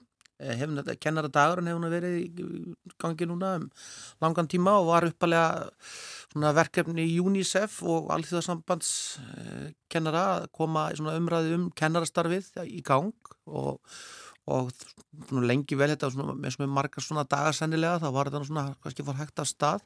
En svona eftir því sem við liðið á árin þá höfum við náða svona eh, einhvern veginn fanga það að þarna sé svona vettvangur sem, að, sem að er góður til þess að lifta upp hugmyndum í kennarastarfið og höfum í svona gegnum árin verið að raða einn viðburðum, við erum yfirleitt með skólamála þing til dæmis í kennararsambandinu þar sem við erum að velta upp einhverjum ákveðnum þáttum, vorum í, í, í þessari viku með eh, umræðum um innflýtjendur í íslenskum skólum. Þannig að hægt og rólega höfum svona, svona hefur þessi dagur orðið þannig að hann er orðin svona ljósröður á dagatalinu. Höfum hann sko við erum ekki, þegar við erum á, kjænsludegi þá reynum við með líka notan til þess að lifta upp í kennarastarfinu bara í okkar nærum nærumhverfi. Og svo kom það upp núna í þessari að vera á þessu ári að, að Evrópusamband kennara hefur sem sagt sem heitir ETUS hefur verið að lifta upp í svona evróskum gildum og var tölver vinna við það sem var samþygt á, aðalfundi þess uh, þeirra samtaka í fyrra. Og það var svona tíu atriði sem þeirra hafa verið að halda utanum sem er sem rammum kennarastarfið. Þannig að það var eiginlega tekin ákverðinu það núni vor hjá Európsku samtökunum að skora á aldafélögin að taka upp þessa umræðu að þessi vika verði svolítið helgu í kennarastarfinu og við gripum það bara fegin sendi hjá KI og höfum verið í þessari viku að, standa upp og segja frá okkar starfi, skrifa greinar, fengum til okkar stjórnmálamenn til þess að ræða einmitt þessa þætti og kennarastarfið. Af því að við náttúrulega erum alltaf á því að þarna sé góðast að starfið í, í, bara í heiminum ja. en eru þetta líka ákveðin viðbröð við því við höfum greint það, það hefur svona aðeins verið að draga úr uh, aðsókni í, í svona kennarastarfið bara á heimsvísu og ég var einmitt núna líka fundi í Norðurlöndunum þar sem þetta er að verða svona svolítið stórumræða, hvernig við endur nýjum okkur í starfið því að við höfum verið að glíma við kennara skort í leikskólum og nú er þeir aðeins að færast upp í grunnskólan. Þannig að þetta er svona blandað því að vera ánað með það sem við erum að gera en líka að segja svolítið fólki frá því hvað starfið okkar innifölur og hversu mikilvægt þetta er að við, við, við getum, getum haldið uh, hágæða mentin uppi. Og uh, í uh, gervar upplýstum tilnefninga til íslensku mentaverlunana sem að uh, verða veitt í næsta mánuði og mm -hmm. þetta eru fjóri flokkar, framúrskarandi skólastarf eða mentun, framúrskarandi þróunaverkefni, framúrskarandi yðin og uh, verkmentun mm -hmm. og uh, svo framúrskarandi kennari. Mm -hmm. Ég ætla að segja hvaða fimm kennarar eru tilnefndir. Það er Brynja Stefansdóttir, kennari í Stapaskóla í Reykjanesbæ, Fíona Elisabeth Oliver, kennari í Víkurskóla í Reykjavík, Harpa Röð Sandsdóttir, kennari í leikskólanum Smáralundi í Hafnafyrði, Hrund Teitsdóttir, kennari við Hrísíaskóla og Óláfi Skram, tónmentakennari í Sjálflandsskóla í Garðabæu. Ég held ég hef tekið rétt eftir þegar ég fletti morgunblæðin í morgun og hann er 50 úr í dag. en eh, eh, velunin eins og áður sagði... Eh, veitt eh, í næsta mánu á bestastuðum eða hvað? Já, já, heldur betur. Þetta er, þetta er verkefni sem er svona sjálfsbrottu verkefni og við hjá KI höfum ekki verið beinir aðlar að en bara fögnum. Þetta er, þetta er verulega skemmtilegt verkefni sem, sem hefur, hefur verið að vaksa og bara og óskast þeim til tilnefnir hjartana til hamingu. Þetta er, þetta er, þetta er svona klárlega upphefð og, og mjög mikilvægt að við, við séum að, að horfa til þess að við séum að verðluna eh, það starf sem, að, sem að okkur, okkur við teljum vera framhúsgarandi og þetta er, ég hafði þó reynslu og svona eiginlega óvænt að er svona skóli sem ég hefði verið að leiða en langan tíma, fekk velunin í fyrra. Og það var svo gaman að hitta, hitta fólk og finna það að, að mikilvægi þess að að svona, ég tekið eftir því starfi sem maður er að vinna. Já. því það er auðvitað bara þannig að það er verið að vinna ótrúlega gott starf og það sem er mjög, mjög gaman þegar ég fletti gegnum tilumleikandir í gæri það að það er einhvern veginn að stækka og breyka sviðið. Eh, ólíkar skólagerðir hafa eiga fulltrú um, um, í, í, í þessum uh, tilnefningum kennarana og þessar tilnefningar er ekki einhver þryggjamanna hópur sem velur þessar tilnefningar heldur er fólk farið að láta vita af því sem vel er gert það er bara alveg frábært og þetta er, þetta er frábær viðbyrður og er alltaf ofsalega gaman að fórsetin sé með okkur í þessu með, með kennarar svona stjættin í þessu verkefni og þetta er mjög vegleg hátíð og mikið í hana lagt og svona hátíðistagur og það er einmitt núna að þessar tilnefningar hafa verið tilkynntur að kennara daginn og okkar ætlun er nú svo að ég myndi að láta einmitt svolítið frétta af þessu Já.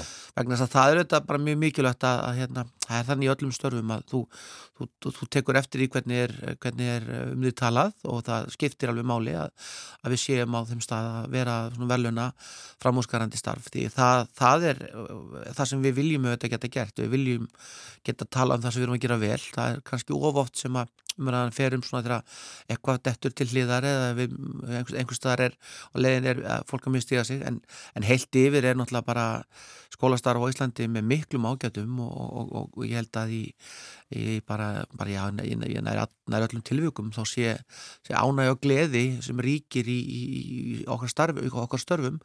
Og það er eitthvað sem okkur langar svolítið til þess að reyna að verða kannski sínilegri á náðastu svona árum og missurum því að ég held að það sé kannski leiðin einmitt svona þess að hjálpa okkur við það að fá fleiri inn í starfið, þetta er aldrei greina fólki frá hvað það er gaman að vera þarna og hvers vegna við erum ekkur búin að vera þarna ykkur 20-30 ár inn í þessum, inn í þessum stofnunum og finnst það að ég hef gaman að koma í vinnuna. Það, það, það þarf svolítið að fara svona lifta þeirri hlið, okkur langar að gera það og þá er íslensku mentafölun alveg frábært aðrið þar á, ég er virkilega vonað það að, Ríkjusvonarpið hefur verið að uh, fylgja þetta frettir af viðbyrjunum og þá maður finnur það þegar fólk verður vert, vert við það sem vel er gert að þá svona dýtra við öllum og við lyftum svo öll herra og okkur, okkur svona, það minnir okkur á það að það sé mikilvægt við sem að gera hlutuna vel, þannig að það er bara frábært frábært verkefni. Og þá má lesa um tilnefningarnar á vefsíðu kennarasambandsins ki.is en uh, Magnús Stór, hvers vegna ákvast þú að verða kennari?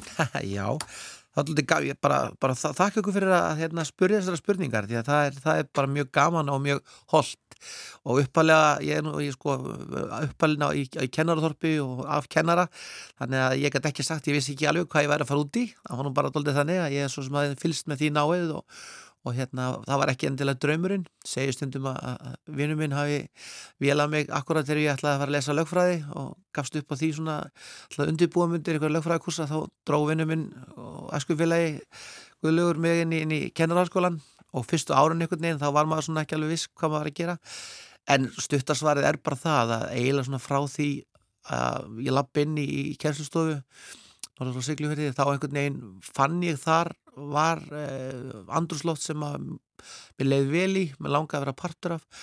Og það er svo það er einhvern veginn, ég held að sé svolítið þannig að þú þart einhvern veginn að, að, að hérna, vera tilbúin að, að takast á við eh, já, bara eins og margt ólíkt og kannski með helstu sjálfa þig. Því að þú veist, þú, þú einhvern veginn maður áttaði sem ég fljóðlega á því maður var hann í höndum með, með hluti í höndunum sem að skipti mjög mjög mjög máli að að hérna ber mjög miklu veringu fyrir en hún líka átt að sjá því hvað, hvað þú hafði mikið, mikið tækifæri til þess að svona gefa sjálfur og bara og læra. Að ég held að það sé kannski einn líkil þátturinn að þú sést með fólk sem er farsælt og sem er búið að vinna í áratvíi inn í skólanum er það að þú eiginlega lærir það er kannski klísa að segja hverjum degi en, en það er næstum því þannig að þetta er svona, þetta er lifandi vinnustæður og, og það er algjörlega þannig að ég vona ég hef nú kent börnum gegnum tíðina en, en, en það að vinna með börnum eh, á þessum tíma ólíkum aldri, ólíkum sviðum, ólíkum stöðum hefur náttúrulega kent mér og það held ég að sé kannski svona það sem hefur haldið maður inn í allan þennan, þennan tíma að, að, að, hérna, að vera að takast á við breytingar, allt, annað samfélag. Stíf Galabin í skóla 94 fyrir farsíman og fyrir þegar tölvurna voru ennþá bara hérna þess að við mjög kannski mínum aldrei sem eitthvað svona einhverjum prenturum sem var rulluð í ringi og háaðin var því líkur og interneti sem við verðum að hlusta hvort það virkaði allt þetta ævindir sem var. Þannig að, veist, að, að fara í gegnum breytingar á samfélaginu og svona einhvern veginn átt að segja á því að þurfa að verða partur af því er líka svona viðfagsagnu sem, sem svona er, er svona, já, kallar, kallar á þig að þú þurfir að, að hérna vera best útgáðan að sjálfu þér Kendur þú víða áraðum svo varst skólastjóri? Já, ég syns að byrja að kenna á Silverði, það er, það er svona ættbógin og hinn hitt heim hjá mér. Og svo kem ég í bæin og fyrir að kenna á Kjalanesi og það var svolítið gaman. Ég sóttum mér íþjóttikennari og kannski segið manni hvað lífi getur stundum orðið í kennslinni en var ráðins sem dönskukennari. Og það hefði bara lítið svo sem kent dönsku en það var svo ferillin þannig að ég fer að kenni á Kjalanesinu í dönsku og er svo í Breitholtinu að kenna dönsku og reyndar aðeins íþróttir og svona aðeins með. En fyrst og fremst dönsku kennari í bregjöldinu árinni fer svo já að stjórna þar. Og hef svo sem í gegnum mína stjórnun alltaf viljað fara aðeins og kenna.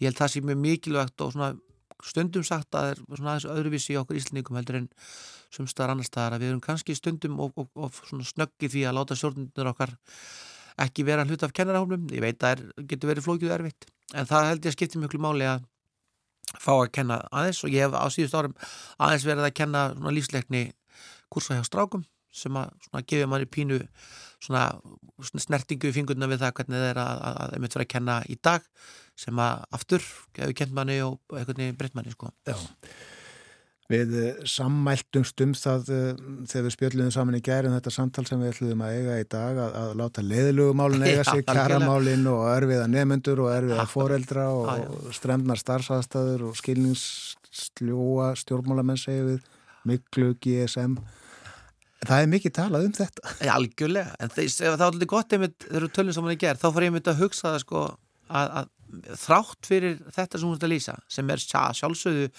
hluta umgjörðinu og eitthvað sem við viljum mæta og viljum bæta við að þá er það samt bara þannig að þetta starf er þannig að samt held ég, ég sé ekki að ljúa því að allan daga, alla daga sem ég lappaði inn í vinnuna, þá hlakkaði til að vera í vinnuna.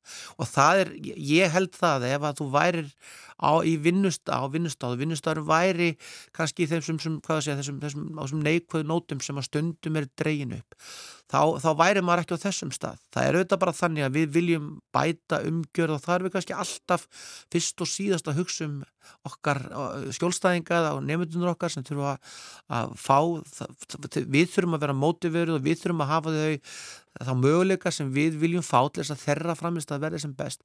En í alls konar verkefnum og í ólíkum aðstæðum sem hafa komið upp á þessum 30 árum sem að ég hef verið í tengslu við, við skólastarf að þá hafa komið upp hluti sem hafa verið hund erfiðir en svo bara lendur inn í þessari kjænslustofu þú bara stendur þarna eftir framann börn sem að eru að býða eftir því að þú sko, skilir af þér.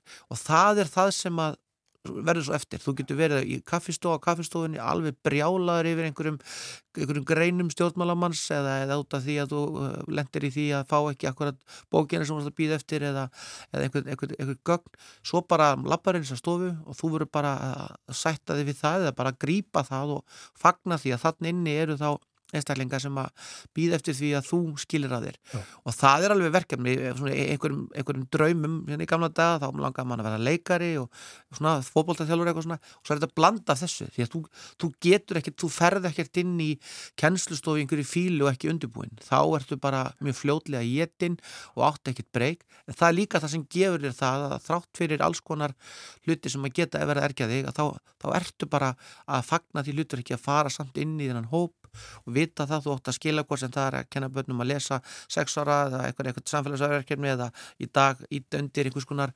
sjálfsköpun sem er alltaf starra starra hlutur í, í, í, skólastarfinu og þá þarfst þú bara að vera þar. Og það er, það er kjarnin í þessu, þú veist, þó við séum uh, viljum meira og betri, betri laun og við viljum betri umhverfi og betri aðstæður þá er kjarnin þessi að við, við erum að elska þetta starf og við, við fýlum það að fara inn í þessa hópa og fá ólíku verkefnin og minna, þú nefndir erfiðu nefndunar eða erfiðu litin, þú veist, ég eh, held stundum að, að, að hérna, þeir nefndur sem að e, segja, meira hafa þurft að hafa fyrir því að læra og við þurft að hafa meira fyrir að tengjast, kannski gefa manni mest og skilja mest eftir og, og kenna manni mest um hlutina því að þetta er auðvitað bara speil af því samfélagi sem við viljum vera Já. og það er akkurat það, þannig sem við viljum hafa það í Íslandi, við viljum hafa blandaða hópa, við viljum vera með ólíka, ólíku viðhásefni og vera tilbúin að taka á ólíku þáttum. Og það er, það er hitt sem ég held að hjálpi mjög mjög allavega íslenskum og norrannum skólum það er það að verkefni er svo fjölbreytt og þau eru alltaf ný, þú, ert alltaf að fá einhverja nýjar áskoranir sem þú þarfst að díla við og það, það heldur þér líka ungum sko, ég segi það stundum ég, ég kann alls konar nöfn á einhverjum röppurum og ljómsættumönnum gegnum tíðina sem, sem að ég get bara ekkert losnað við að hlusta og það er bara eitt af því sem er mjög skemmtilegt sko. Já, þetta er tenging við eh, menninguna auðvitað og alltaf nýjasta. Alltaf nýjasta. Hvað eh, má ætla að margir kennarar séu að hefja kennslustund núna á landinu? Sko, okkar, okkar hópur telur um 12.000 manns í kennarsambandinu öllu og þá erum við að tala um leikskóla, grunnskóla, tónlistaskóla, framhanskóla af þeim eru er við með skilgrenda stjórnendur svona um það bylgaski 2000 þannig að við erum að horfa til þess að núna akkurat á þessari stundu er svona um það vil 10.000 manns að taka múti í börnum sem eru, já allir séu ekki um 80.000 sem er að, er að taka, taka lappinn til þeirra. Þetta eru er 90.000 manns sem er á hverjum degi í þessum, þessum skólagerðum okkar. Já. þannig að þetta eru langstæstu vinnustæðalansins og auðvitað þetta er lang mikilvægast Lang mikilvægast og, og lang bestastarfið Algjörlega. Takk að þið fyrir að vera með okkur í dag. Takk fyrir mig. Magnús Stóri Jónsson er eh, formadur kennarasambands Íslands hér í tillefnið af kennaravikunni sem er að ljúka og ekki síst kennaradeginum sjálfum sem var í gerð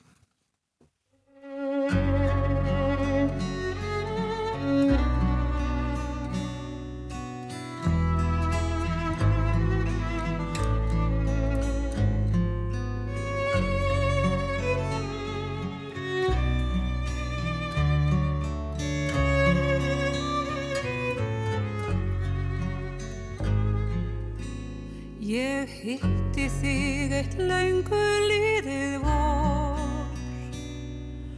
Og lengi var ég efinn sem þau kynni. En eitt er víst þú eftir skildir spór sem ekki verða máður vitund minni.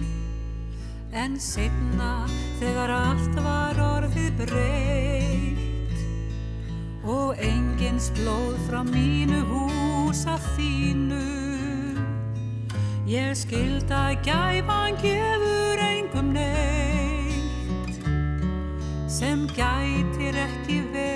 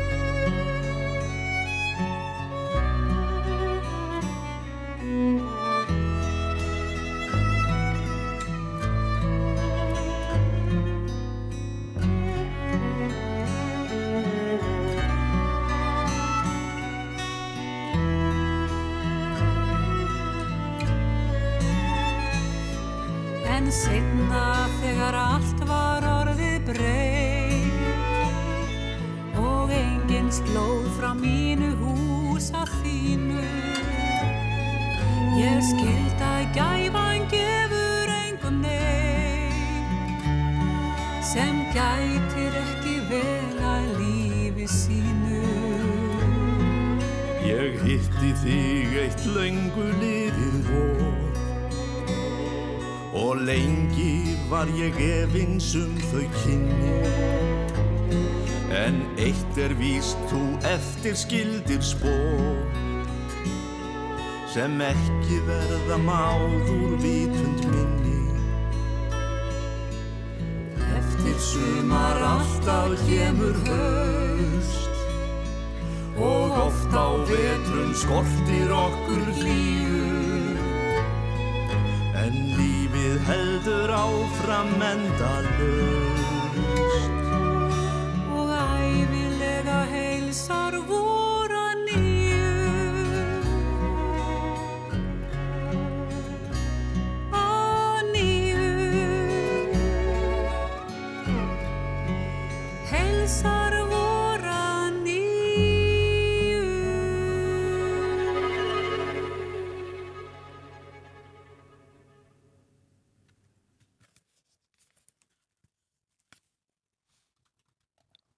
Þetta var glæni íslensk tónlist.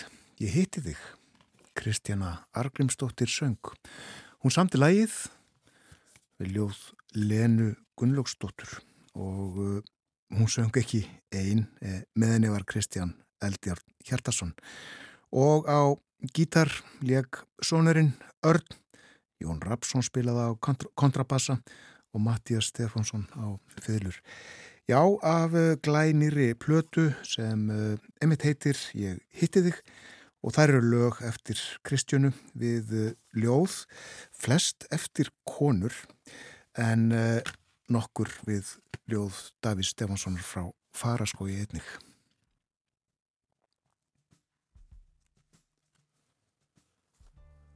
Það líður að loku morgunvaktarinnar í dag.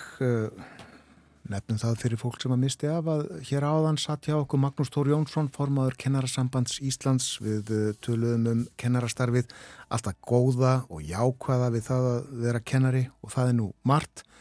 Þetta er uh, besta starfi heimi, sagði Magnús Tór. En uh, kennaravikan hefur staðið þessa viku líkur í dag og í gær á kennaradeginu var upplýst uh, um tilnefningar til íslensku mentaverðlaunana sem afhengt verða á bestastöðum í næsta mánuði. Magnús Þór afskaplega ánaður með uh, þau verðlaun sem að uh, setja kennarastarfið og skólamál í gott ljós. Nú, uh, fleira sem var á uh, dagskraf hjá okkur í morgun, uh, við töluðum um brotættar byggðir, þetta verkefni byggðastofnunar til þess að ebla líf, mannlíf og atvinnlíf og alls konar líf, allt líf í fámennari og svona brotættari byggðalögum landsins. Já, Helga Harðardóttir og Kristján Haldursson sem að halda utan á þessi verkefni hjá byggðastofnun voru með okkur frá uh, Söðurkróki og, og Kópaskeri þaðan sem þau sinna sínum störfum. Var haldin stór ráðstöfna í gær uh, um reynsluna af þessu verkefni tíu ár liðin frá því að uh, það hófst. Og svo voru líka með okkur snemma í morgun Dilja Mest Einarsdóttir þingmaður sjálfstæðarsflokksins og Lógi Már Einarsson þingmaður samfélkingar Þau setja bæði í utaríkismála nefnd þingsins og við rættum ímislegt er við kemur. Alþjóðamálum. Hefðum geta talað um líklega uh, mjög margt til viðbútar. Það er nógum að vera í þeim málum uh, þessi misserinn.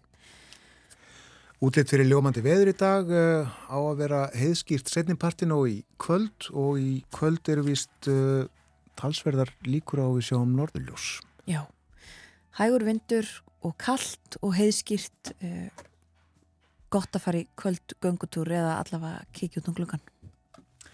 Þetta er okkur samfélgina í dag, Björn Þór og Þórun Elisabeth. Þátturum verður á sínum stað á mándagi við bjóðum góðan dag þegar klukkuna vantar tíu mínutur í sjö. Vonum að þið njóti dagsins og helgarinnar. Verðið sæl.